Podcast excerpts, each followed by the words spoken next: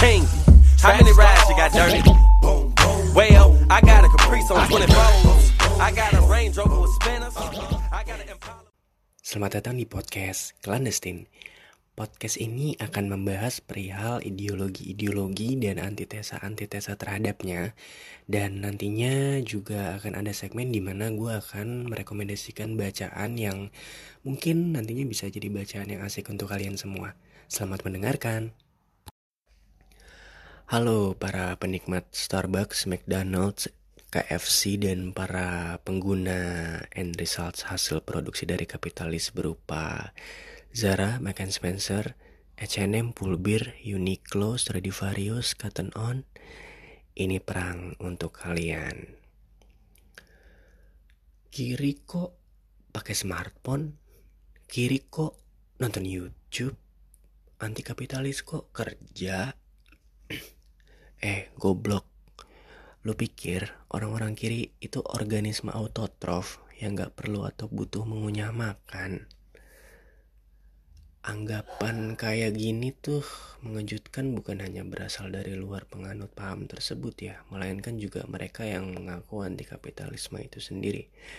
Gue pribadi pernah kok diserang penganut paham ini karena keterbukaan gue terkait apa yang gue sukai gitu. Anti kapitalisme tuh bukan lantas mengecam segala kegiatan ekonomi dan memang semangat yang ditolak dari kapitalisme itu sendiri bukan semata kegiatan jual beli ya. Dan pada saat itu juga gue kemudian bertanya-tanya apakah sebenarnya semangat kapitalisme yang ditolak oleh kaum kiri?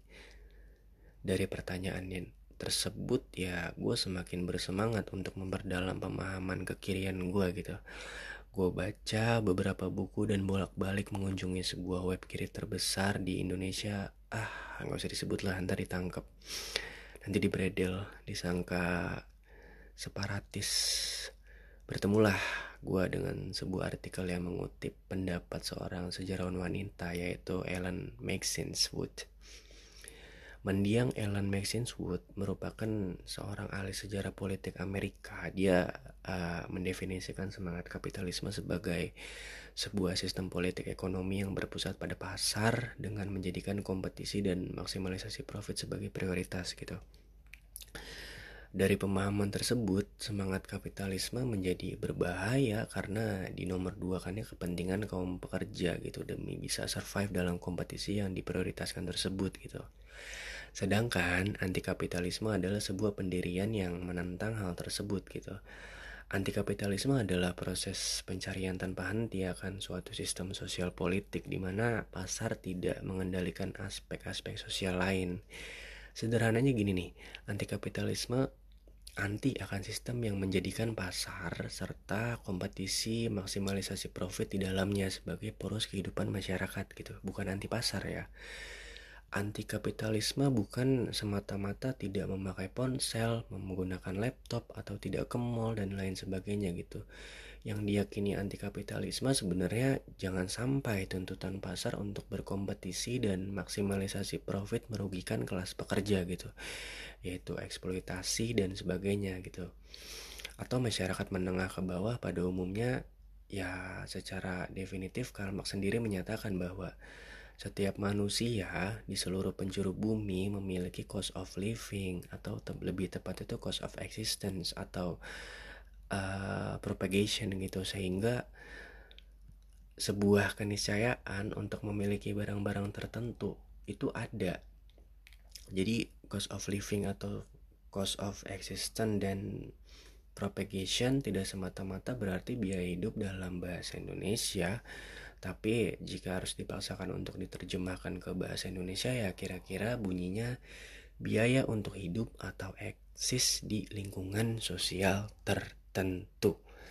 Sampai sini gua harap sebenarnya kalau kalian pinter kalian tahu ya hal-hal definitif seperti ini.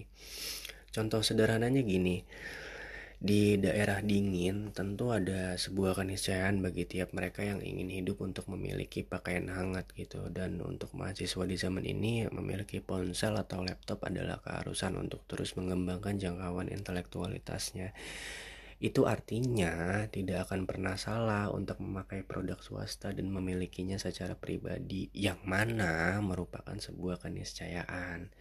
Sepanjang gak tunduk pada dalil paksaan pasar maupun hidup dalam dikte para pemilik modal serta tetap pada semangat memperjuangkan dan memperhatikan kondisi kelas pekerja dan kaum menengah ke bawah dengan berbagai advantage yang kita punya gitu kesempatan duduk di bangku kuliah dan memiliki laptop atau ponsel secara pribadi hendaknya dimanfaatkan gitu untuk menggelorakan semangat petani yang hendak dirampas tanahnya pekerja yang kena PHK sepihak, penyuluhan hukum gratis kepada korban represivitas negara, atau bahkan menuntut rektor dan birokrat untuk memotong UKT misalnya atau perlawanan jangka panjang ya bisa dengan mempersenjatai anak-anak miskin dan rentan dengan pendidikan atau memberikan penyuluhan keuangan bagi para petani, nelayan maupun para pekerja sektor informal. Nah, uh, memilih hidup tanpa dikte pasar adalah pilihan yang harus dihormati menurut gue. Anggapan bahwa anti kapitalisme itu inherent atau sejalan dengan ketidakwarasan tidak bisa dibiarkan menahun ini harus kita hentikan dan luruskan gitu tidak hanya orang-orang di luar paham tersebut namun juga oleh mereka yang mengaku menganutnya ke depannya juga uh, perbedaan ideologi baiknya tidak menjadi legitimasi untuk saling mendiskreditkan atau bahkan memusuhi kalau tujuan kita adalah suatu tatanan yang lebih baik yaitu perdebatan yang sehat adalah kuncinya.